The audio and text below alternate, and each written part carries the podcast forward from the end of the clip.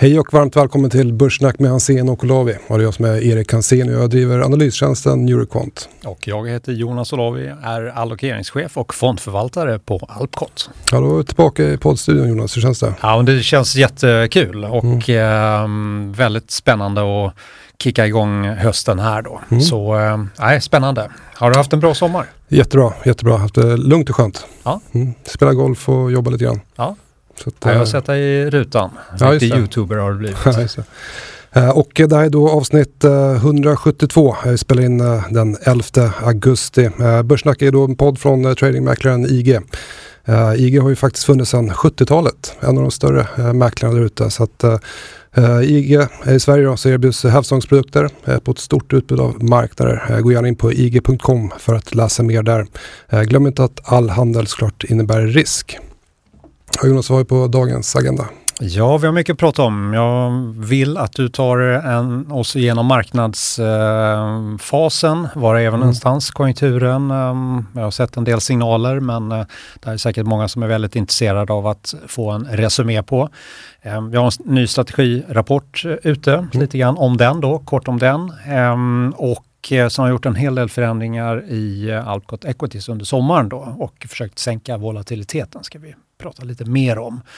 Och sen kommer vi också prata om Bidens eh, två stycken lagförslag som nu glider igenom och skapar lite möjligheter för de som är lite pigga och alerta.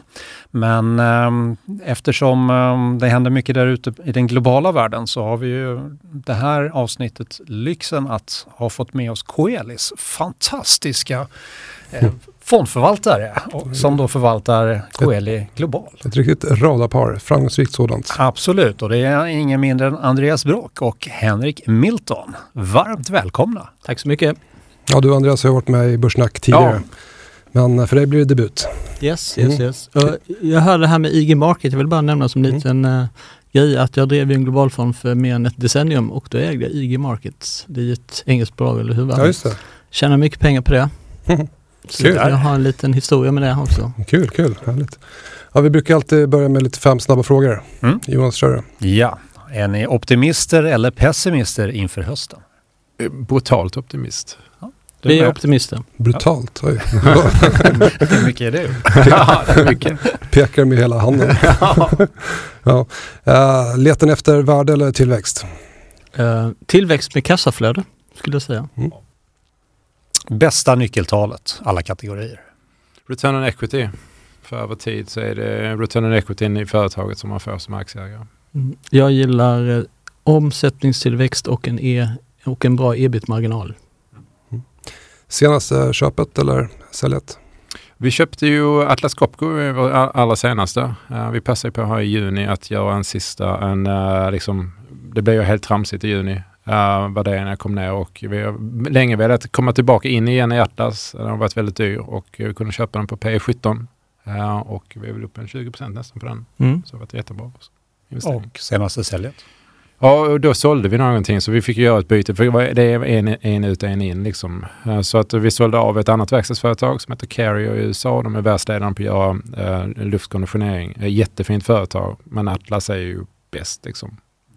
Så att eh, kunde göra en, en uppgradering av uh, portföljen helt enkelt. Mm. Har ni eh, bundit räntan eller tycker ni att man ska binda räntan i det här klimatet? Eh, jag har ju haft bundit ränta tidigare i mitt liv och jag har alltid gjort fel. Jag har ju liksom bundit på fem år och sen så har det fallit fullt ut och fall. så att, eh, nu för en gång sedan, för några år sedan, så fick jag ju väldigt bra villkor både på en, en kort räntebindning och rörligt. Så att jag ligger rörligt. Mm. Mm. El, elpriset då? bundet. Nej. Kul för det faktiskt. Nej, inget bundet. Det är rörligt också. Ja, samma här. Då kör vi.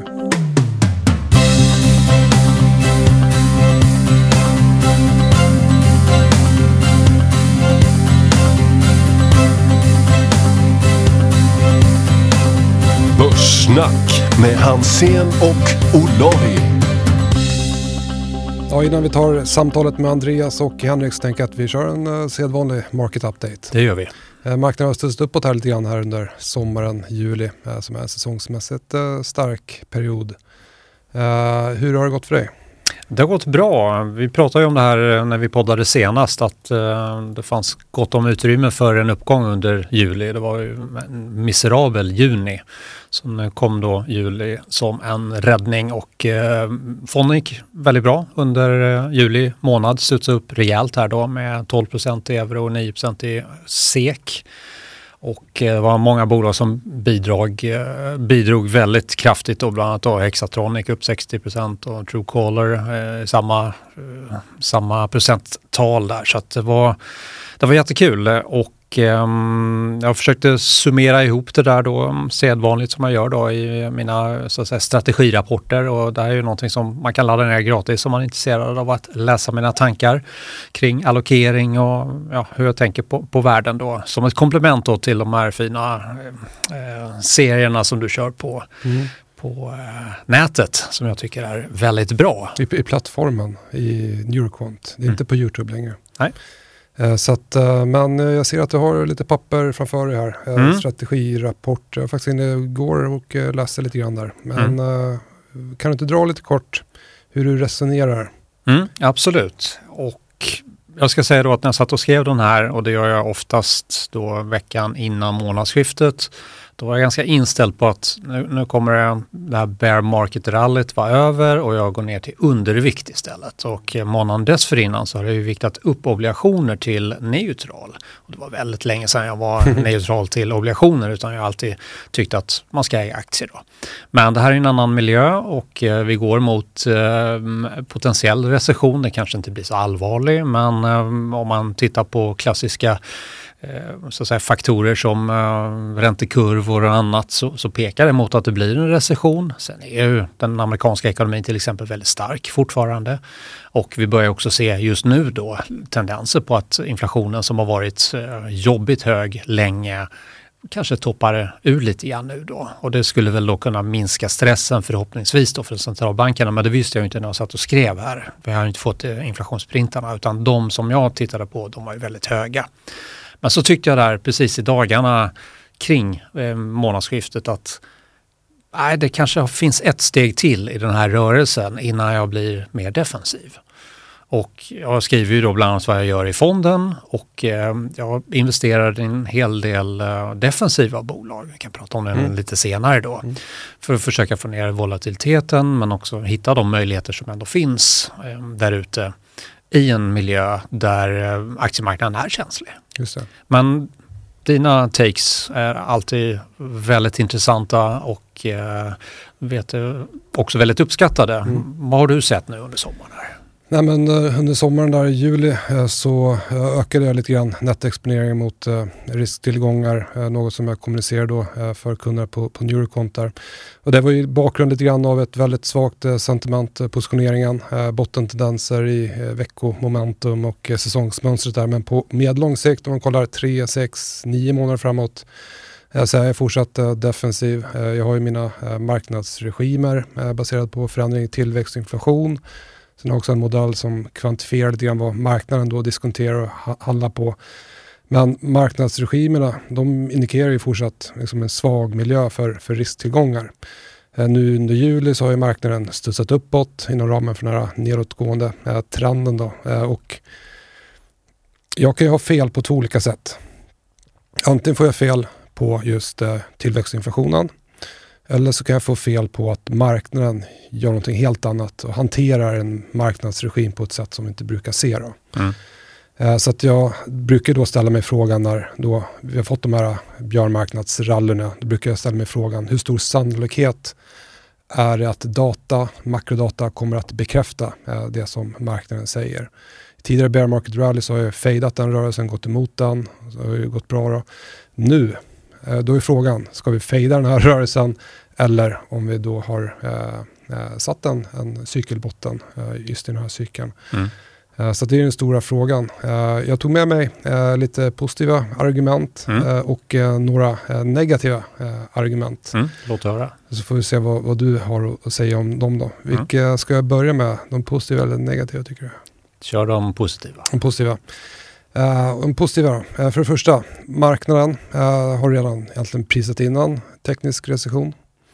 Det blir ingen faktisk recession. Arbetsmarknaden är fortsatt väldigt stark. Då. För andra, värderingarna har kommit ner ordentligt. Det är inte billigt men det har kommit ner i alla fall. Mm. Det är billigare. Absolut. För det tredje, vi ser disinflation på råvarumarknaden, enkäter från till exempel ISM, NFIB, enkäten och så vidare. Även inflationsförväntningar har fallit tillbaka uh, och det här då enligt vissa är positivt för, för aktiemarknaden. Uh, Fed kommer göra, ett, kommer göra en pivot och bli mindre åtstramande, vilket enligt vissa då är positivt. Lägg märke till att det här är lite åsikter också, inte bara fakta. Mm. sen vinsttillväxten, den är fortsatt positiv. Jag är inte negativ. Vinsterna är fortsatt mm. växande. Mm. Sen då, rörelsen i juni, den här starka uppåtrörelsen, kan man betrakta som en stark impulsrörelse. Det brukar ofta vara liksom starten på en ny uh, bull market. Uh, kollar vi 2023, uh, det är tredje året i den här presidentcykeln. Uh, och uh, S&P 500 har endast fallit två gånger under det tredje året. det är då data från 1927 nämligen 1931 och 2015 mm. Eh, så föll då S&P 500 under det tredje året i presidentcykeln. Eh, positioneringen, sentiment är fortsatt eh, försiktigt. Mm. och sen då är det stora återköpsprogram som rullar snart igen, vilket kan ge stöd till, till aktier. Mm. Det låter som uh, positiva argument. Det ska fortsätta upp bara. Eller finns det några negativa? Ja, men jag, har lite, jag tog med mig några negativa också. Uh, och, uh, för första då, centralbankerna kommer inte kunna göra någon pivot eftersom hårddata, KPI, PCI, PPI och så vidare på fortsatt extremt höga nivåer. Eh, Fed, ECB, Riksbanken eh, kommer att fortsätta höja räntorna, eh, vilket då kommer ske på bekostnad av tillväxten.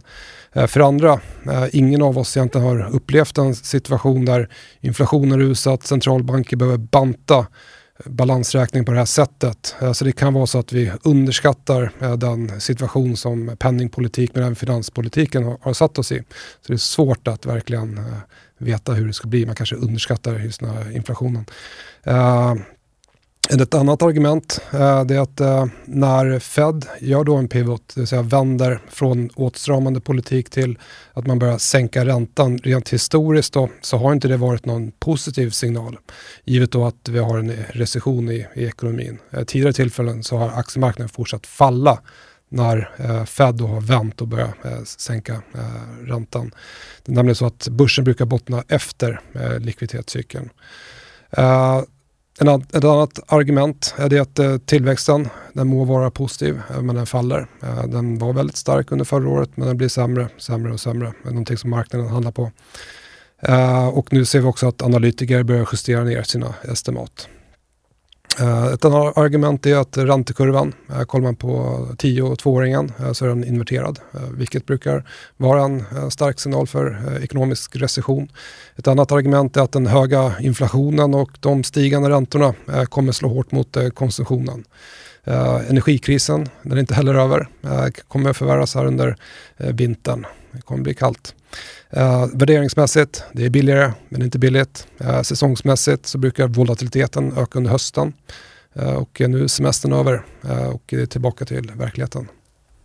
Det låter som uh, avskräckande exempel på om man ska investera eller inte. Så nu vet jag varken ut eller in. Nej. Man får välja sida helt Exakt, enkelt. man får välja sida. Man får uh, välja en process, uh, välja vilken data man ska studera, mm. välja vilken risk man ska ha i sina portföljer. Det behöver inte bara handla aktier. Obligationer till exempel tror man att, uh, pratade innan sommaren och våras om att uh, tioårsräntan hade möjlighet att toppa ur.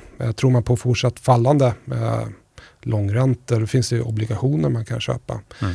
Uh, jag pratade om det lite grann med Jonas Dahlqvist också uh, för ett par månader sedan. Mm. Obligationer, dollarn och så vidare. Mm. Just det. Så att, uh, där har vi exakt fonder, exakt obligation, ett, en ETF som man till exempel kan köpa. Mm. Om man tror på att inflationen ska fortsätta falla då. Just det. Intressant.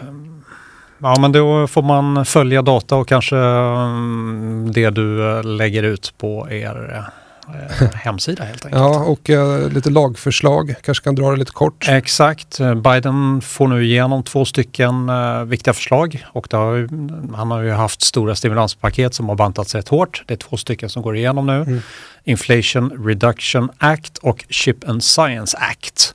Och det här är ju såklart viktigt för många bolag. Den förstnämnda handlar om eh, bland annat då energiinvesteringar och eh, nu inkluderas då eh, solenergibolag, vilket de inte gjorde tidigare. Och det är så då att då får man eh, finansieringsstöd när man då bygger och utvecklar eh, rena energikällor. Jag, jag trackar en massa tematiska eh, sektorer. Jag har sett att eh, den sektorn har ju gått eh, starkt. Just det, absolut. Mm. Och eh, vad syftar den här generellt till då? Ja, reducera utsläpp från elproduktion bland annat, transport, mm. industriproduktion, bygg och lantbruk. Eh, man kommer få skattelättnader för ren energi, energilagring och eh, rikta stöd för att övergå till ren energi som bolag. Du kommer få eh, skattelättnader för att övergå till rent bränsle och utveckla rent bränsle till, eh, till transportsektorn. Och eh, erbjuda finansiering för USA-tillverkade rena produkter, America First, tendensen där då. Och det här kommer då ske genom två olika eh, skatte, ja, skattesystem kan man säga. Och eh, när jag tittar på JP Morgan så gynnar det alla deras gröna bolag och eh, framförallt då de bolag som är inom solsektorn. Och om man då tittar på de bolag där man nu höjer eh, target price mest på det är eh, bolaget TPI och First Solar. Om vi börjar med First Solar som är solenergibolag så går man då från eh, neutral till övervikt och eh, First Solar har 3 gigawatt ehm, installerad kapacitet och de kommer då att dubbla det fram till eh, 2024 och med de här subsidierna så kommer EPSen stiga rejält så att det blir momentant lyft i den där då. Aktien har rusat här ser jag. Ja, den har verkligen rusat och sen finns det ett bolag som, då, som jag nämnde då, TPI Components. De gör då bland annat eh, vingar till eh, um, här, ja, vindkraftverk och de gör också delar till uh, fordonsindustrin. Då. Och här uh, höjer man target price med 59 procent och även här då det blir en baklängesräknande hur mycket med de här satsningarna som de då uh, säljer mm. kommer man då kunna räkna hem på sista raden. Så att de två bolagen fick de största lyften vad gäller eh, målkurs och det är en aktie som ju har eh, bottnat ur ser det ut som. Den har ju varit rätt trist under ett antal månader men nu kommer från en väldigt låg nivå så det, ja, det är bara att nämna ett par bolag om folk vill titta in lite närmare på det. Det andra då det är ju Chip and Science Act. Det kommer då eh, innebära stöd på 52,7 miljarder som är riktat till den amerikanska halvledarindustrin då och det har ju fått flera av bjässarna, bland annat då eh, AMD och eh, Qualcomm att eh, lansera stora investeringsplaner. AMD var väl typ 40 miljarder skulle de lägga under ja, tio år här nu då. Och eh, det här är ju någonting som naturligtvis eh, stödjer de här bolagen eh, långsiktigt. Nu verkar det vara lite, ja, lite slagigt i eh, lagersituationen för en del av de här chiptillverkarna.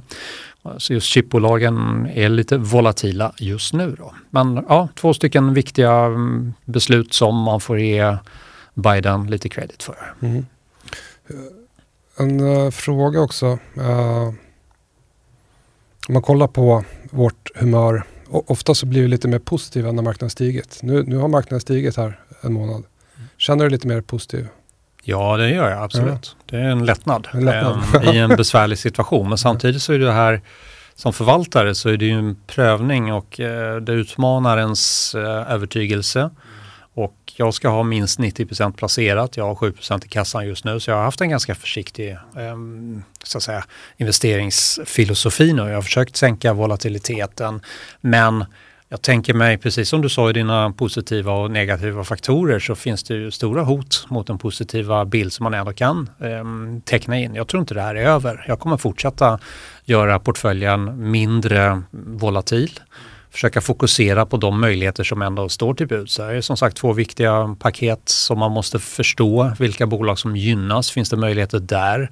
Och finns det risker på andra ställen? Så det är ju en process som man hela tiden jobbar igenom och det kan man inte låta dagens kurser påverka utan det är någonting som man måste jobba med liksom lite långsiktigt. Då. Så jag mm. tror inte det är över men det är alltid skönt när det är varm juli, börsen mm. går upp. Ja, men som uh, sysslar man mycket med aktier så uh, gynnas man ju oftast av att vara en optimist och uh, vara positiv till, till marknaden och så vidare. Eftersom aktier ofta tenderar att trenda uppåt.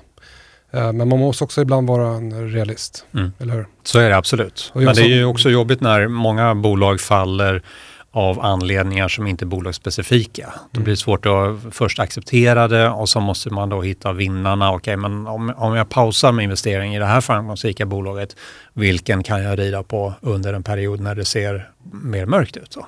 Och det jag har gjort då, jag har under sommaren då eh, sålt lite bolag. Jag har sålt eh, VEF, jag har sålt Fabg och eh, Bufab. Bufab plockade hem en fin vinst i. Fabg fick jag tyvärr en förlust på, men jag har investerat i New Wave och eh, bland annat då Torsten Jansson som var väldigt positiv i sin senaste rapport. Aktien gick bra på rapporten, sen föll den tillbaka. Då tänkte jag att ja, men här skulle ett bra stöd kunna ligga. Så då har jag plockat in den på det här fallet och upp lite grann på den aktien. Och det kommer en rapport här um, alldeles inom kort.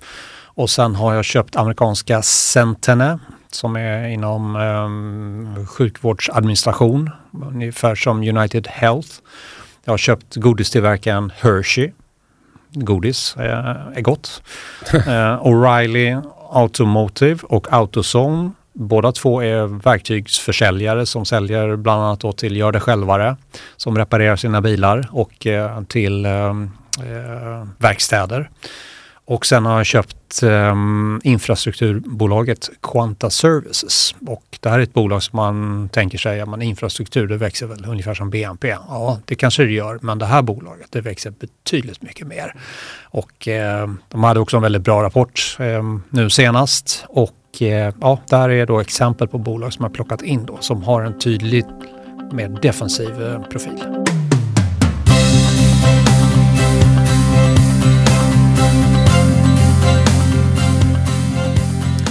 Ja, välkomna tillbaka till Börssnack. Jättekul att ni är här, att ni tar tiden och startar upp hösten här med Börssnack. Eh, ni är ju en av världens eh, mest framgångsrika globalfonder. Och när jag tittar på Bloomberg så ligger ni i 97 perceptilen och det är ju inte illa, eh, får man ju verkligen säga. Ehm, och ni har ju slagit index, ehm, inte bara ert jämförelseindex. Ehm, och det har jag för mig typ 35 procent under de här åren och 100 procent mot OMX. Så att det har ju verkligen varit lönsamt att eh, ta rygg på er då. Um, vilka, förväntningar. ja, exakt. Nu vill vi ju såklart veta mer om er och ja. hur ni gör då. Kan ni eh, ge lyssnarna en liten mini-introduktion, vem ni är och varför jobbar ni två tillsammans? Ja, Andreas och jag, vi har känt varandra i 24 år. Vi träffades på universitetet och eh, alltså vi kom in i finansbranschen och sen ganska tidigt fick vi en dröm om att vi ville ha vår egen fond. Vi hade jättemycket kontakt. Du jobbade i Schweiz, i Kina, jag var mest i Sverige, var i Danmark och så vidare. Vi hade kontakt hela tiden och så vidare. Så att eh, det här med drömmen att driva en global fond, då, det har funnits väldigt, väldigt länge. Så att och eh, jag själv har investerat i, i, i, snart tio års tid va, med aktier och eh, man har ju satt sin investeringsprocess och den, den satte jag själv i 2008, jag satt i Danmark när vi hade en finanskris då, kreditkris. Och den, den finns ju kvar mycket av den idag för att den har varit ganska väl fungerande. Jag brukar säga till uh, min hustru liksom att uh, jag har sagt, säger många ord till henne, men de ord jag kommer säga i mitt liv till någon människa när jag dör, liksom, det är till Henrik. Det finns ingen människa som jag kommer att säga så, har sagt så många ord till och kommer att säga så många ord till som, som Henrik. Så 24 års vänskap, fantastiskt roligt att jobba ihop och det har ju baserat på värdegrunder. Liksom. Vi är båda två från liksom, vanliga normala eh, bakgrunder, entreprenöriella bakgrunder, våra föräldrar och så vidare. Och man, och man vill ju, vi vill skapa en bra produkt för, för oss själva eh, och eh, för, för, för de svenska investerarna. Så att det, det, vi, vi brukar kalla oss för the good guys. Eh, liksom väldigt enkla, vanliga killar som, som har skoj och jobbar ihop. Jag tror du skulle säga Goodfellows. nej, nej, nej. Good guys. Mm. Uh, hur ser dynamiken ut mellan er? Uh, har ni svagheter, styrkor uh, på olika fronter så att ni kompletterar varandra eller är ni bra på samma områden? Men vi har väl, jag har ju mina svagheter såklart, jag har mina styrkor och det fina är att Andreas då efter så långt, han känner ju till vad det är. Det. Så att han kan hjälpa mig om jag känner mig liksom svag och orolig och vice versa så ska, kan jag hjälpa honom. Så att jag tycker det här ett plus ett blir tre, det tycker jag stämmer väldigt bra här. Mm. Nej men det är, det är ju väldigt roligt för att uh, vi, um, jag är ganska mycket känslomänniska och Henrik gillar väldigt mycket siffror. Uh, men sen jag gillar, uh, jag gillar så här cykliska bolag Uh, det kan vara liksom P4, 5 i USA som ska växa och, eller det är någon utbombad husbyggare som säljer liksom sådana där. Och Henrik eh, kanske gillar mer tillväxtaktier och, mm. och, och, och sen så bollar vi det här fram och tillbaka. Vi har väldigt roligt eh, tillsammans. Så vi går igång på olika nyckeltal. Liksom. Det är P3 på Andreas och jag gillar omsättningstillväxt på plus 25 eller något sånt där. Mm. Ja. Och så möts ni på halva vägen någonstans. Precis. Ja, grym portfölj. Ja. Men då känns det som ni har på sätt och vis lite olika värdegrund då. Um, har ni något veto i portföljen eller nöter ni ner den andra tills uh, ni får in er aktie?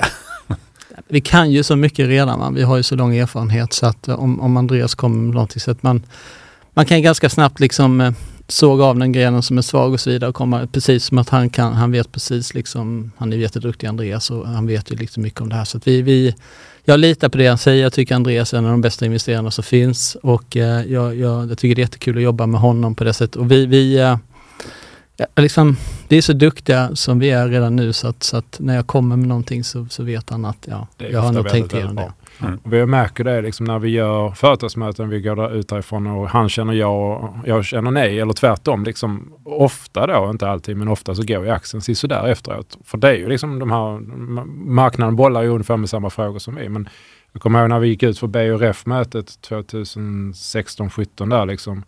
Vi går ut från företaget, vi står på Stortorget i Malmö liksom, och vi båda två stannar upp och, och så vi bara, alltså, vi måste äga det här säger jag. Och henne bara, vi måste äga det. Vi lyfter på luren, ringer Carnegie och köper 100 miljoner där liksom, eh, på, på, på platsen på Stortorget. Liksom och aktien är väl upp sex gånger pengarna sedan dess. Liksom, när vi båda två liksom skakar mm. av lycka, mm. då är, och det är det vi letar efter. Ja. Nu, de här äh, ögonblicken. Liksom. Mm. Då, då, faller vi in i den här klichén man står på, på Stortorget och ah, köp för 100 miljoner. Ja, det, alltså, det var underbart. underbar.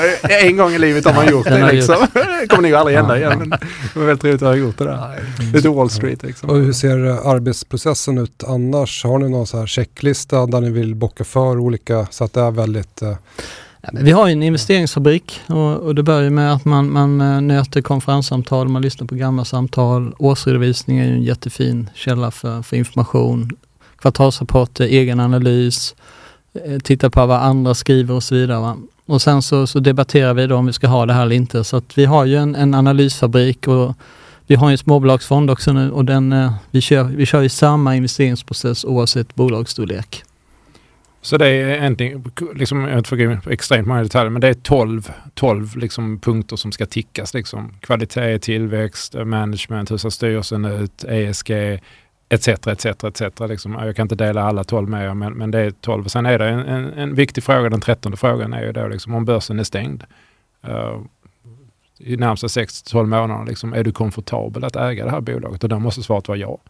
För är svaret liksom att nej, jag är beroende av att marknaden är öppen för att jag måste, jag vill ut ur den här liksom, eh, närmsta 3-6 månaderna, då är det förmodligen inte det bolaget du ska äga. Liksom. Så att eh, det, det är 12 punkter, 12 analyspunkter som allting ska tryckas igenom. Liksom. Och, eh, och, och sen när det är check på i alla fall alla, alla boxar, det är ofta så har du det är ofta någon box som, där du kan säga okej, okay, styrelsen är bra men kanske den här styrelseledamoten är jag inte överförtjust i. Liksom. Men rent allmänt så är styrelsen väldigt bra.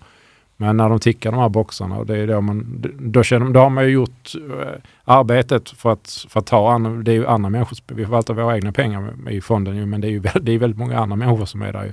Och ska man förvalta andra människors pengar då måste man ju liksom måste, man måste kunna försvara varför man har investerat i det här mm. och att det har gått igenom analysfabriken. Ja, och en av de första punkterna är ju faktiskt eh, hållbarhet. Då. Är det någonting vi kan köpa det här? Alltså är det rätt sektor eller är det fel sektor? Så att det, det är ganska digitalt inledningsvis och sen så bygger vi på analysen efter det. Då. Mm. Vi har ju haft väldigt roligt. Vi har, haft, eh, vi har ju aldrig investerat i Ryssland. Det har ju varit vår policy sedan dag ett då, i åtta år. Och vi har fått många gliringar på det här under åren. Då, liksom, varför köper ni inte Gazprom och bla bla bla. Liksom, och sådär. Vi, eh, vi, jag har ju träffat ryska oligarker liksom, och eh, gör ett par sådana möten och sen, sen är man inte sådär jättesugen på att ta svenska pensionspengar liksom, och, och ge till de här människorna. Så att eh, den var väldigt rolig att, som punkt där, icke-Ryssland. Nu, 2022, ja, men nu, nu är vi populära. Äntligen tog åtta år. Jag jobbar ju som eh, förvaltare precis som ni och ja. för att hitta case så screenar jag ganska mycket. Då. Mm. Hur gör ni för att hitta ett nytt case till exempel? Ja, men vi har, vi har i huvudsak två metoder. Dels är det Andreas eh, sektoranalys, han är ju mer åt det cykliska hållet. Men sen så jobbar vi med våra screeningmodeller. Vi tittar ju, vi kan ju ta ett index, sen tittar på vilka företag är det som växer och sen så går vi vidare med och, och djuppenetrera de som, som är då de mest intressanta och så vidare. Så att det, är, det, är, det är screeningar skulle jag säga. Mm. Och under vissa perioder så styr makro eh, mer än kanske andra perioder. Till exempel under 2022 så har ju makro varit en mm. bidragande orsak till att eh, börsen har fallit. Eh, hur ser ni på just makrobilden? Är det någonting som ni tar hänsyn till i er analys eller fokuserar ni enbart på bolagens utveckling? Det är en jättebra fråga. Eh, det här kan vi, det har vi debatterat i snart eh, då, liksom hur många år som helst. Och det, det är så här, om jag, om jag liksom delar in det då. Eh, är makro viktigast för, för, för aktien och företaget eller är det bolagsspecifika viktigare då?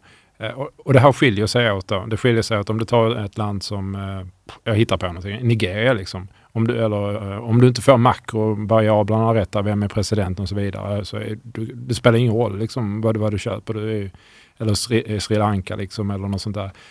Vi undviker eh, med, med stor glädje de situationerna där makron är viktigare än det bolagsspecifika. Vi tycker att bolagen är det vi ska vara duktiga på och vill vara duktiga på och det är det vi tycker är roligt. Liksom. Så när makrovariablerna är för, för, för påverkar företaget för mycket så vill vi helst undvika det. Kaviaten är ju då att i en, en recession påverkar alla bolag. Det finns inget bolag som är ocykliskt. Det finns inte något bolag som är ocykliskt. Det är bara frågan hur djup är cykeln. Är cykeln tillräckligt stark så går till och med ICA och Axfood ner. Liksom. Så att det, makron finns alltid där men det är det bolagsspecifika vi, vi brinner för. Och sen är vi ganska, alltså vi är rätt förtjusta i de här, om det är liksom kortare kriser, om vi tar 2020 i mars där när saker och ting föll väldigt snabbt. Då, då uppgraderar kvaliteten, vi köper företag som vi skulle vilja äga och så säljer vi de är lite sämre. Och två exempel nu det är att vi gick in i Atlas har vi nämnt. Vi har också köpt MSCI som driver alla de här indexen och alla ESG-produkter de har och så vidare. Och MSCI var ju tokdyr för ett halvår sedan. Och nu kommer vi in på, på lägre nivå och det är, vi älskar att göra sådana affärer. Och hur resonerar ni kring sektorrotationer och den typen av eh, mer kortsiktiga rörelser? Eh, är det så att till exempel då, oj nu har vi väldigt mycket hälsovårdsaktier i portföljen mm. och kanske lite mer defensivt, man, man kanske vill rotera?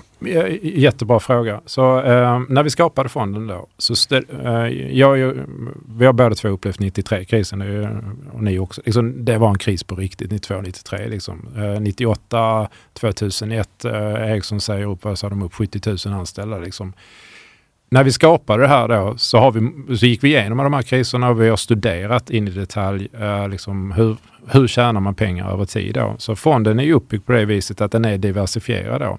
För precis som den här corona så kommer vi inte förmodligen kunna se nästa kris. Gud, vi har ingen aning vad det är. Liksom. Men har du lagt för mycket eh, pengarna i tech eller det är fastigheter eller vad det nu är så får du, du, får, du får en smäll. Liksom. Därför har, är ingen sektor då på det viset som vi definierar sektorerna mer än 20 procent. Vill säga, har vi för mycket tech eller om marknaden inte gillar det just då, ja då blir det en smäll. Men vet du vad, då går någon av de andra sektorerna väldigt bra och ofta det så kompenserar det. Så att effekten blir liksom... Sen har vi fokuserat på de sektorer som vi kan. Uh, vi kan inte flygbolag och är helt fruktansvärt ointresserade av att äga flygbolag. Liksom. Eh, Jag kommer aldrig äga dem så att du, du behöver inte bry sig om det. Uh, och flygbolag är ungefär 1% av världsindex så man behöver inte bry sig om dem. Går de konkurs allihopa, det spelar liksom ingen roll. och så vi fokuserar på de sektorer som vi kan och sen så diversifierar vi ut portföljen då. Och sen kommer ju de här sektorrotationerna och det enklaste sättet är ju då helt enkelt att du går in i krisen, eller vad det nu är, den sektorn, någon sektor får stryk eller geografi och sen så ökar du upp i den då. Uh, helt enkelt du tar från det som har gått bra och så ökar du upp det och när det normaliseras har du tjänat pengar. Så att vi är väldigt lugna och pratar lite grann om vad vi gjort i sommar då. Jag, jag kunde ta tre veckors semester och sen så har det liksom pirrat i fingrarna och de där tre veckorna jobbar jag väl ändå tre timmar liksom. Att jag är otroligt utvilad. För att det här har varit ehm, det lugnaste av alla kriser. Alltså det är inte kris, jag vet inte vad, är det liksom? Det är, ingenting. Uh, var, var har bankerna gått omkull? Vilka banker har gått omkull liksom? Vilka, har inga konkurser har gått upp? Det är några personer som fått i olika sektorer som fått, fått sparken men andra sektorer anställt. Liksom. Så att det här har varit en uh, väldigt behagligt år hittills. Men vi kan väl ändå säga att vi har ju tagit fastigheter från 15 till 2 procent. Ja, det gjorde vi förut. Ja. Och, och det är ju för att vi tycker liksom efterhand som de har liksom toppat i värderingar så har vi plockat ner dem och vi har sålt efterhand. Nu har vi ett bolag kvar som är fokuserat på logistik då i Europa och eh, där vill vi ju gärna fortfarande vara kvar. Men, men det är klart att det är lite jobbigt nu. Det är inte största positionen för att fastighetsvärdet påverkas av räntorna. Så är det ju. Mm. Och bolag som har en hög exponering mot uh eh, privata konsumtionen? Är det någonting som ni tänker på?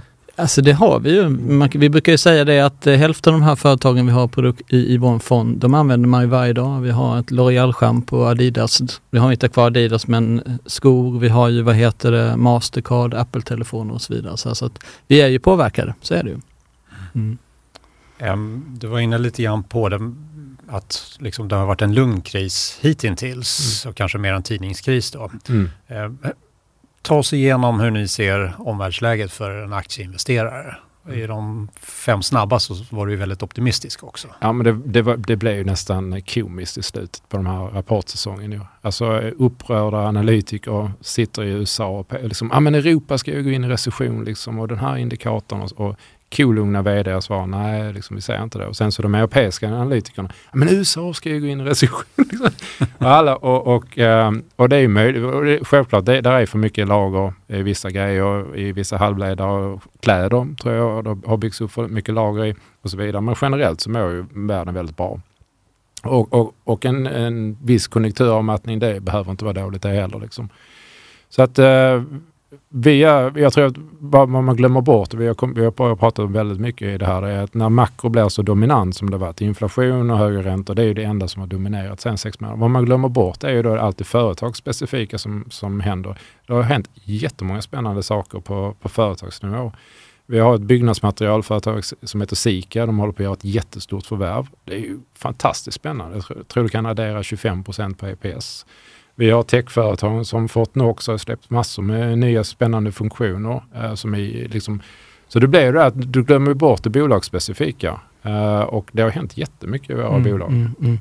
Och vi gillar ju framförallt eh, ska vi säga, företag som säljer till andra företag. De, är ju, de känns ju lite tryggare som det är just nu. Va? För att, så att det, det, här med inflationen, det jag, eh, jag är optimistisk där. Jag tror att det är övergående. När vi träffas om ett år igen då kommer vi kanske prata om inflationssiffror någonstans mellan 1 och 3 procent. Att det är en, en prispuckel vi ska över som, som vi har drabbats av att vi måste byta inköpskällor helt enkelt.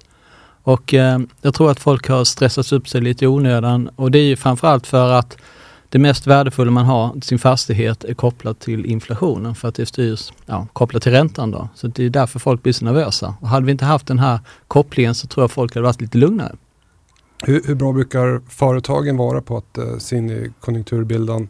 Tänk på, på Sandvik 2007 till exempel när de pratar ja. om en supercykel. Och... Du har helt rätt ja. Erik. Uh, den sista du ska fråga om konjunkturcykeln är ju ofta företags de, de, de vet inte mer än någon annan. Mm. Liksom. Det, det, är liksom basen. Sen finns det vissa vd som är mer erfarna än andra liksom, och kan säga längre. Men ofta säger de inte mer än sina, sina orderböcker. Liksom. Uh, så du har fullständigt rätt med det. Men om man tar vissa av våra trender som vi har investerat i. Vi har lyft betalningar här, Mastercard och hela den, den grejen. Och Mastercard gör jättemycket nu på tjänsterna. Mm. Uh, och det är en trend som fortsätter. Vi har en annan trend inom healthcare. Uh, folk kommer att bli äldre oavsett. Om, om, där har vi, det är ju vår största sektor just nu, 20 procent är healthcare. Så, att vi, så att det gäller att rida de här trenderna som är liksom mer eller mindre intakta. Men som jag sa, blir det konjunkturnedgång så kommer det ju, det blir, det blir tuffare överallt. Men våra företag är ju marknadsledande. De är ett eller två i det de gör. Industrin är extremt lönsam, balansräkningar är sjukt starka. Liksom. Så att då gör de ofta förvärv eller det händer någonting annat. Som, eh, eh, standarden på oss gjorde ju en rolig sak nu. Mm. ja, men de, eh, de, de köper ju tillbaks 10% av alla utstående aktier under 2022. Och eh, jag tänker just nu så är ju ratingbusinessen ganska dålig. Va? Det är för att företagen tycker räntan är för, hyr, för dyr och eh, kapitalet vågar inte riktigt liksom köpa obligationer. Så den marknaden har liksom frusit. Men den tinar upp så kommer det komma igen och eh, när deras business eh, löper på 100% fart så är det 10% mindre aktier vilket innebär att det blir en jättefin effekt där på EPS. Så att eh, det, den är jättefin. Men jag skulle ändå vilja säga en sak om, om de här stora techbolagen i USA. Jag har ju följt de flesta av deras rapportering och eh, vi ska ha klart för oss att eh, digitaliseringens genombrott den kom ju under coronakrisen. Det kom 2020, 2021 och det var ju då vi skulle ha mer bredband, vi ska ha mer datorer, telefoner och så vidare. Så att det blev ju en boom. Och nu var ju marknaden ganska rädd för att vi skulle få en, en minskning i omsättningen men de här Amazon, Google och så vidare, de fortsätter ju att växa. Eh, vilket innebär ju att, och det är ju från en ganska hög nivå. Så att jag tycker det, det, det plus då att de faktiskt kan managera lönsamheten också. Amazon till exempel drar ju ner lite grann på sin eh, investeringstakt.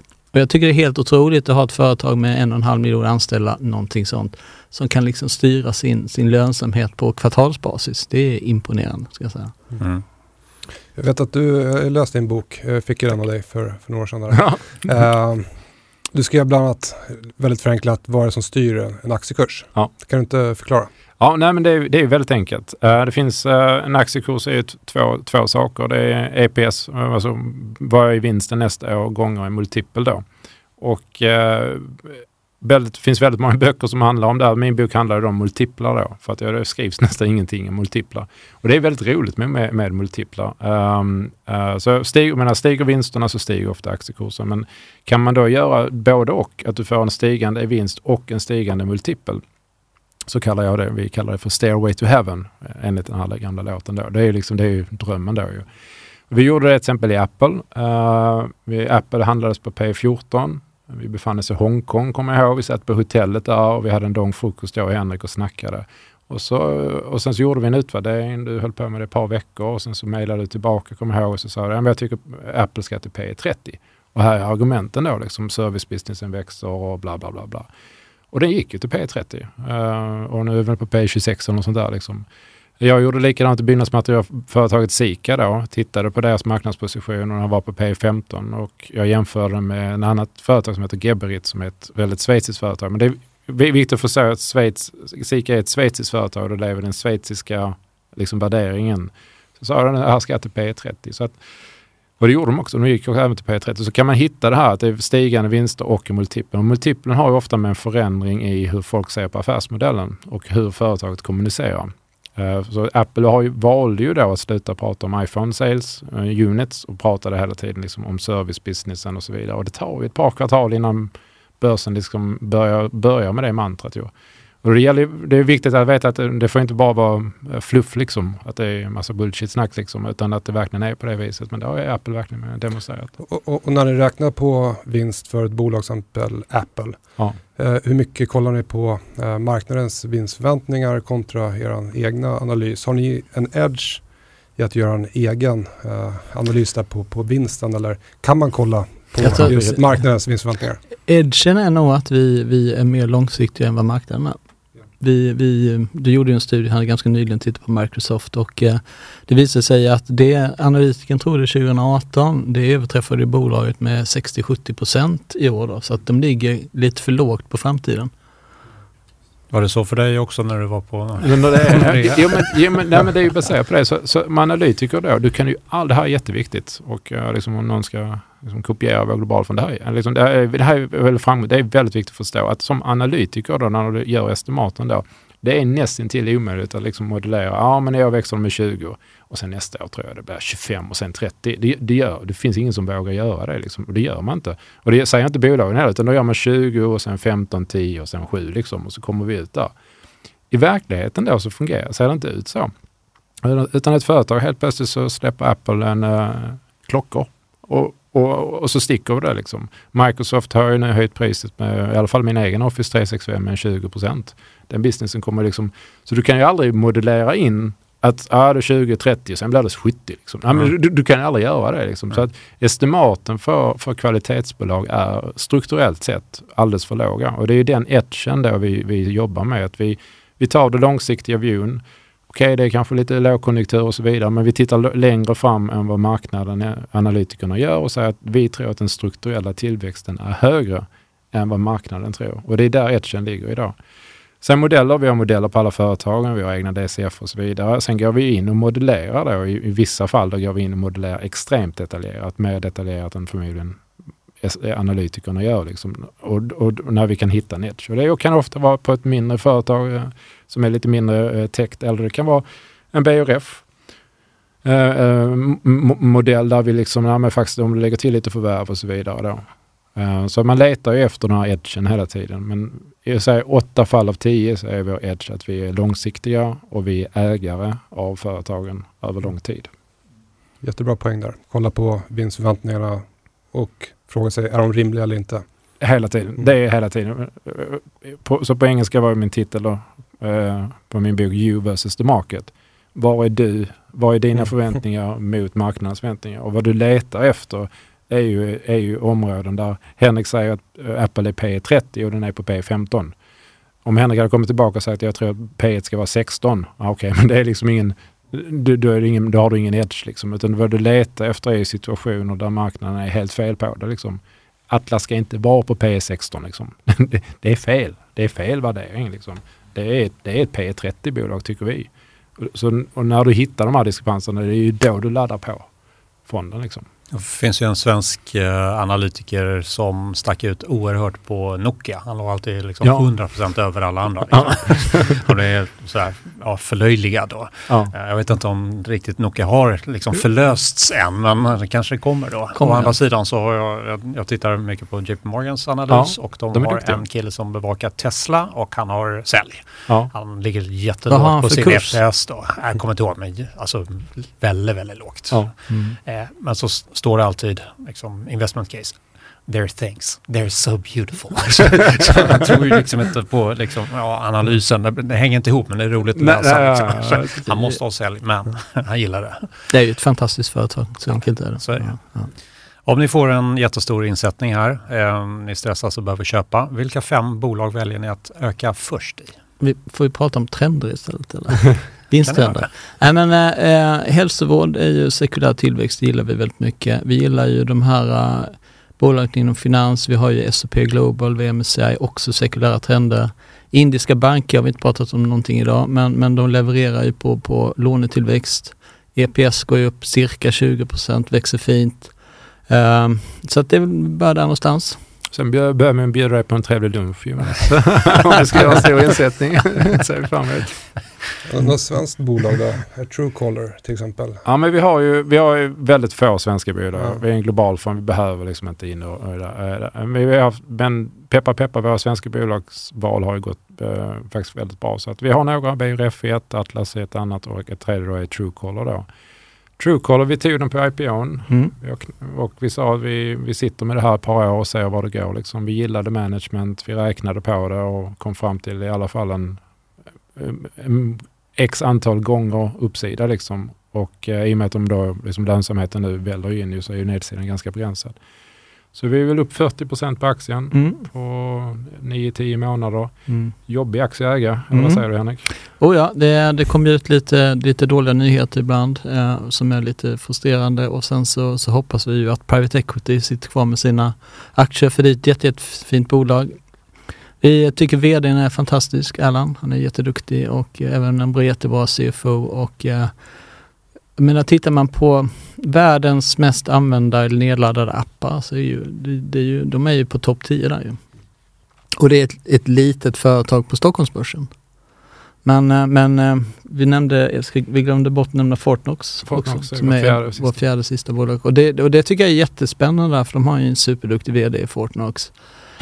Det är inte billigt på något sätt men, men det här med att de är ju vad vi kallar då under earning, det vill säga att de borde kunna ta bättre betalt. Det här sa vi redan för några år sedan när det bara då kostade 99 kronor per modul och månad och nu har de ju höjt de priserna. Vi pratade mycket om förvärv, de börjar göra förvärven och och de här skalfördelarna de har, det tycker jag är helt fantastiskt. Så att de har ju liksom, eh, de blir ju på något sätt ett, ett Klarna fast för företagen då, för att de har ju börjat med att sköta betalningar och så vidare. Så, så att det är så jävla roligt att följa de här företagen från kvartal till kvartal. För att liksom, det är otroligt spännande varje gång ska rapportera och se vad som kommer hända här och vi har ju en rapport snart. I småbolagsfonden då, har ni något svenskt innehav där? Oh ja, nej men det har vi rätt många då, va? för att vi har en möjlighet att investera upp till 30% i svenska företag, eller egentligen nordiska företag. Och eh, Anledningen är jätteenkel. Vi, vi hittar väldigt, väldigt många fina svenska företag och vi vill tjäna pengar åt andelsägarna. Och varför ska vi då missa fina små klenoder i Sverige då? Så att vi har en handfull, säg att det är sju, åtta stycken svenska företag och eh, vi kom precis med ett möte från eh, Hexatronics VD och eh, ekonomichef och eh, ett fantastiskt företag så att eh, vi har ju två bolag inom fiberområdet och det är ju Hexatronic, det svenska, som är verksamma i USA, UK, Sverige, Tyskland och så vidare. Och sen har vi det här Clearfield då, som är en, en amerikansk eh, motsvarighet och deras konkurrent egentligen där då. Mm.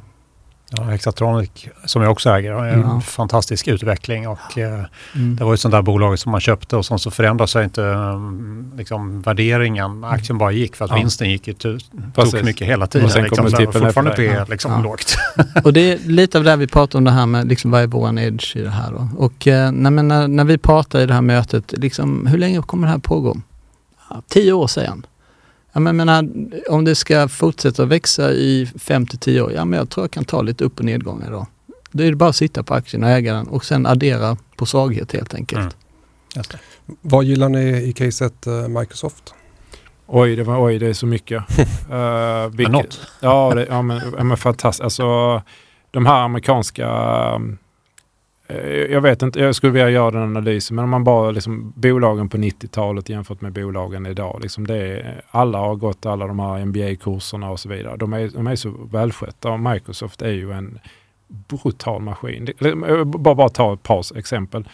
Så Pentagon ska ju nu, kör nu, ska ju nu köra Microsofts cloud, men vad jag förstått det så ska även japanska Pentagonet gå över då. Liksom. Så det finns ju liksom, Japan har inte tillräckligt bra IT-företag för att köra sina egna liksom, försvarsgrejer, utan de, de, de kommer att använda Microsoft.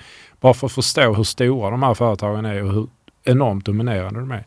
Anledningen till att vi köpte Microsoft eh, 2015, så det är sju år nu, eh, det var att de började med subscription services. Och jag kommer ihåg Merrill Lynch, analytiker, skrev ju fram och tillbaka om det här. Liksom, och att, uh, den var ju på P17 och uh, jag gick och handlade på Elgiganten och då var det 700 kronor för Microsoft 365. Så räknar man ju väldigt snabbt att Uh, nu är det 700 kronor varje, varje år och uh, det är 2100 på ett år. Innan så kostade det bara 1500 och så var det tre år liksom. Helt plötsligt så, och så vidare. Sen så gjorde vi en stor analys på Azure då, deras uh, cloud, cloudverksamhet. Vi ringde upp IT, IT-tekniker då. Och uh, värdet de skapar för för kunderna då, när du då kan då liksom i, i molnet då lägga upp olika servrar. Så istället för att du går och köper en server så, så kan du skapa du en server virtuellt då. Den, den finns ju på riktigt men du skapar den virtuellt och så jobbar du mot den här servern då. Kostnadsbesparingen för kunden är ju så brutala. Uh, vi pratar, uh, det som du, du hade kostat dig 40 000 att köpa en ny server, 35-40 000, det kan du då köpa för 100 kronor i månaden. Liksom. Och, och, och, gillar du då inte det så kan du ju bara, liksom, nej jag vill inte ha den här servern, det var inte den här prestandan jag vill ha. Så då förstod vi att eh, hela världen, jag överdriver, men hela världens IT-infrastruktur på serversidan kommer att gå över till, moln, till Microsoft. För skalfördelarna i deras moln, moln är så otroligt. Så att rent tekniskt var det helt brutala. Sen så när det gällde execution, då var det ett bra möte med dem i San Francisco.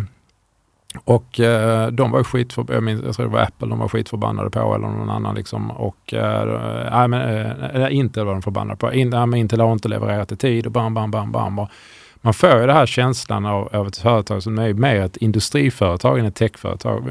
För rena techföretag, alltså om eh, ett San Francisco, Kalifornien säger techföretag, det ska man se upp för. Jag säger inte nej till det, men det är som, eh, de anställda ska ju ha liksom Uh, två miljoner varje år i, i aktier, annars så stannar inte de kvar. Går aktiekursen ner för ett, ett techbolag i Kalifornien, då sticker IT-ingenjörerna för då, då är inte deras optioner värda någonting. Det är verkligen så.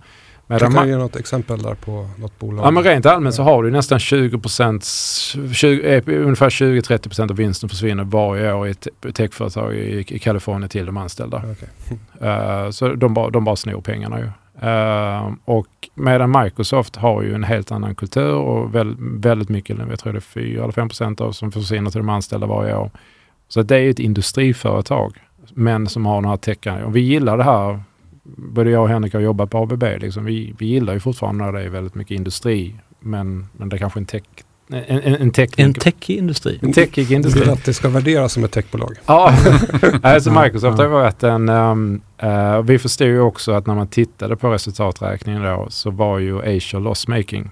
Mm. Uh, men växte ju med var det 80 procent på den tiden. Nu är väl bara, uh, nu är det bara 30 va. Mm. Uh, men när du går i en P 17 aktie, när, går, när en stor division är lossmaking och de sen går till, då betyder det att P1, riktiga P1, är ju inte 17, riktiga P1 är kanske P12. Uh, för att så fort de blir, än en gång om du tar lite längre perspektiv och säger okej okay, shit, om den tre år så är den divisionen lönsam, ja då, är, då köpte vi Microsoft på P, ja, jag räknade att det var någon sån där P11, P12 tre år framåt. Och det är ju helt absurt liksom.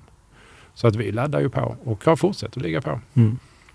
Om vi vänder till hälsovårdsbranschen då så har ni bland annat United Health. Ja. Um, kan ni beskriva det och varför just det och inte de andra? För det är ju flera stora pjäser i USA som gör samma sak så att säga. Ja, jag ska vara kortfattad där. Så, uh, rent, uh, rent allmänt, hälsovården är ju fantastisk i USA.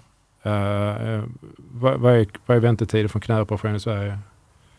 Ja, det, är, det vet jag inte. Men 6-12 månader. Ja, vi har debatterat det för jag börjar få kompisar som går där. I USA tror jag det är fyra veckor. Liksom hälsovården är på en helt annan nivå. Det är, därför de, upp, det är därför de kunde, är därför vi allihopa har Pfizers vaccin, för att amerikanerna är bäst. Liksom. Uh, och anledningen till att de är bäst är att de betalar ungefär 1000 dollar, 10 000 i månaden i sjuk, sjukvårdsförsäkringar. Och alla har detta. Och det, det, historien är tillbaka till andra världskriget. När, man, ja, männen försvann bort och, och, så vidare. Och när de kom hem då så skulle man då erbjuda de här sjukvårdsförsäkringarna. United Health försäkrar över 100 miljoner amerikaner, så var tredje amerikan är försäkrad av dem. Och det här businessen växer med 7-8 procent. Så det är okej okay-ish. Men det som är häftigt är, är den andra divisionen av, av, United Health som är deras techdivision. Där de tar datan från de här 100 miljoner människorna. Bara tänk, vad tror ni man kan göra med 40 år av data på 100 miljoner invånare? All den prognos, eh, hur du kan prognostisera och vad du kan göra med den datan, det är helt otroligt. Så då, idag kan du gå in då, om du använder då, eh, Optium, då, United Health data, så kan du gå in, du tar ett blodprov, din läkare säger, okej, okay, baserat på dina värden här nu Jonas, bam, bam, bam, bam, bam, så har de här 10 000 människorna som, är nu, som hade dina värden, men de är nu 10 år äldre än dig, så har 30 procent av dem utvecklat hjärtproblem med det här och 20 procent har fått problem med det här. Därför tycker jag att du aktivt ska göra de här, de här, de här äh, åtgärderna redan nu i din livsstil och då kommer du med 40 procent sannolikhet att undvika de här grejerna. Ja, är det någon som har upplevt det i Sverige? Liksom?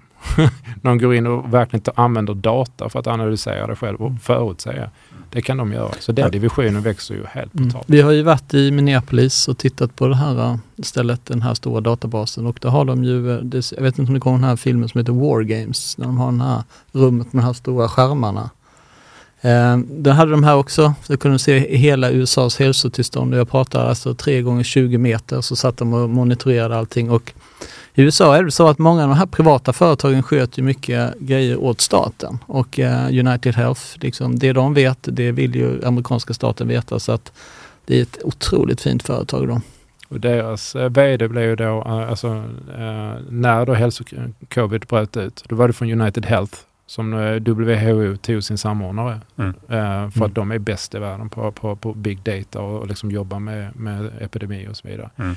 Så att eh, kunna köpa ett företag på P17 som har compoundat 15% tillväxt år ut och år in, är helt, det är ju bara liksom Mm. Det är bara godis. Det passar oss en riktig compounder. Ja, mm. men det, finns det något kämpa. av de andra som gör ungefär samma sak som är likvärdiga? Ä, inte, inte, inte, av deras, inte deras skala. Och här blir det då ett konkurrensfördel om vi tänker på Moat, tillbaka mm. till Buffett, liksom Moat, franchisen stärks varje år. Varje år så är det 100 miljoner mer datapunkter liksom som, som, som kommer att komma in. Du kommer, hur ska du någonsin kunna konkurrera med, med dem? Helt omöjligt. Mm. Och om man kollar på Mastercard, varit inne på det lite grann. Eh, men om man kollar på, på aktiekursen så har den bara egentligen rört sig eh, sidledes eh, senaste året. Eh, Mm. ingen recession där som indikeras. Som Nej, är nej, alltså? Mastercard de mår ju otroligt bra när det är liksom måttligt. Nu har det varit ganska hög inflation men liksom i en, en bra inflationsmiljö så, så mår de ganska bra för att i och med att de tar ju betalt på penningvolymen då som de, som de gör transaktioner på. Eh, samtidigt då så när, när, när volymen ökar så ökar ju inte de fasta kostnaderna så att det är en otroligt fin eh, operationell hävstång i det här företaget då. Och eh, vi besökte dem i december och vi hade liksom två frågor med oss där, stora frågor. Det ena var det här eh, konto till kontobetalningar. Vi har hört talas om det här Trustly då som skulle gjort en börsintroduktion. Och sen det andra var ju det här Buy Now Pay Later då. Vad befinner er där då? Och vi fick fina bra svar på båda de frågorna och nu är det ju så att Mastercard då eh, ger ju Apple sin teknik för deras Buy Now Pay Later då i Apple Pay så ska man ju kunna göra den här uppskjuta betalningar och så vidare. Och det är Mastercard som står bakom det då så att eh, de är techiga, de, de gör rätt saker och så vidare. Sen springer de ju inte i framkanten då va, som kanske Klarna och så vidare. Va? Men, men de hakar på rätt teknik och de satsar på det. Och eh, det här, jag tror aldrig vi säljer Mastercard. Eller Nej, jag tror aldrig Nej. heller. Och de är ju öst, de, det är ju på östkusten nu. Så Visa grundades ju i Kalifornien av Bank of America. Eh, och sen så skapades ju Mastercard som de andra bankerna då gick ihop. Och det här med att de är på östkusten då, det är att utanför New York, norr om New York. Eh, det, I de har- Purchase heter Eh, det. Purchase heter de. De, de finns såklart på andra ställen i USA också. Men de, de är inte, de är in- industriföretag som är techiga liksom. Men det är liksom inte de här, de anställda ska ha 20 procent av vinsten i, i optioner liksom. Utan de, det här är industri, en industri. Men de, tänk dig själv, de säger realtid alla världens betalningar liksom. Shit. Mm. Men varför inte en American Express då? Det måste vara bättre. American Express, de, de har inte samma täckning som, som Mastercard och sen så har de det här tredje benet med krediterna då, vilket Mastercard och Visa inte har. Nej. Så Am- American Express kommer ju alltid vara där som en bank. eh, Mm. Med lite premium. Medan, medan de andra är då techföretagen. För de har ju kredit. eh, vi har ägt American Express. Uh, jättetrevligt kontor nere på downtown Manhattan. Mm. Eh, men det, vi la tillbaka De, pengarna. de kändes inte lika, lika, de var lite mossiga jämfört med Mastercard tycker jag ja, verkligen. Mm. Mm. Om vi tar några avslutande frågor. Var går nästa resa nu då? Vilka bolag ska ni besöka? Ja, för min del så går det till Kalifornien. Jag ska åka dit, jag ska bland annat besöka Teslas bilfabrik. Mm. Vi ska träffa Nvidia, AMD. Så att eh, Kalifornien. Ä- Äger ni Tesla? Vad sa du? Nej, Äger Tesla? nej det gör vi inte. Nej. Men eh, vi, vi, eh, det är jättekul att besöka. Vi, vi träffar ju mycket företag som vi inte äger också. Egentligen merparten av dem. Mm. Så det kommer bli en jättekul resa. Jag hänger på och uh, hänger med i första trippen, uh, läget över. Sen så sticker jag och gör alla sådana här amerikanska husbyggare på P4. Eh, jag tror att jag är helt övertygad om att vi pratar om räntesänkning om sex månader. Eh, och då kommer de här aktierna gå från P4 till P8 liksom. Då gör vi 100 procent. Um, så att eh, jag hänger med så gör jag lite brutalt ytligt. Sen, sen gör vi gemensamma resor. Vi, vi, vi ska över. Vi måste till Indien snart. Mm. Det var för länge sedan vi var där och sen pratar vi om Taiwan innan års, årsslutet också. Aj då. Ja, Ja, jag, jag tror inte, för, bara för att vi kommer så tror jag inte Kina gör militärövningar. Liksom. Då drar de undan sina trupper. Ja. Nu ni, kommer de. ni, ni, ni reser även i teknikens värld. Jag har hört att ni utvecklar en eh, app. Vad, Mm. vad är det för något? Det stämmer, vi har gjort en app. Eh, Vi försöker hela tiden nå, nå våra kunder på olika sätt. Och vi har respekt för att vissa kunder kanske inte vill gå in på hemsidan och läsa våra blogginlägg där om, om alla våra företagsbesök eller titta på våra videos. Då tänkte vi att vi gör en app. Det är många som inte läser eh, hemsidor längre, det är bara appar. Ja, men, ja, men det är Mm. lite så ju. Så att vi hoppas att vi kan få lite ne- nedladdningar och lite tittare där. Och uh, ja, vi hoppas det kan vara en annan kanal man kan nå oss, uh, nå oss via. Och man kan alltid, eh, om man har frågor, så kan man alltid mejla oss, globala.coeli.se och så har vi tre fantastiska produktspecialister som svarar på det. Om man nu skulle vara sugen att investera då, Ja, var hittar man era fonder? allt gott. Ja, gott. Precis. Vad trevligt. Ja, ni är populära på plattformen kan jag meddela. Ja. Eh, ja, jag tycker vi rundar av där och tackar herrskapet så hemskt mycket. Jättekul att ni kom. Stort lycka till framöver. Tack så mycket. Det var jätteintressant. Stort tack. Tack.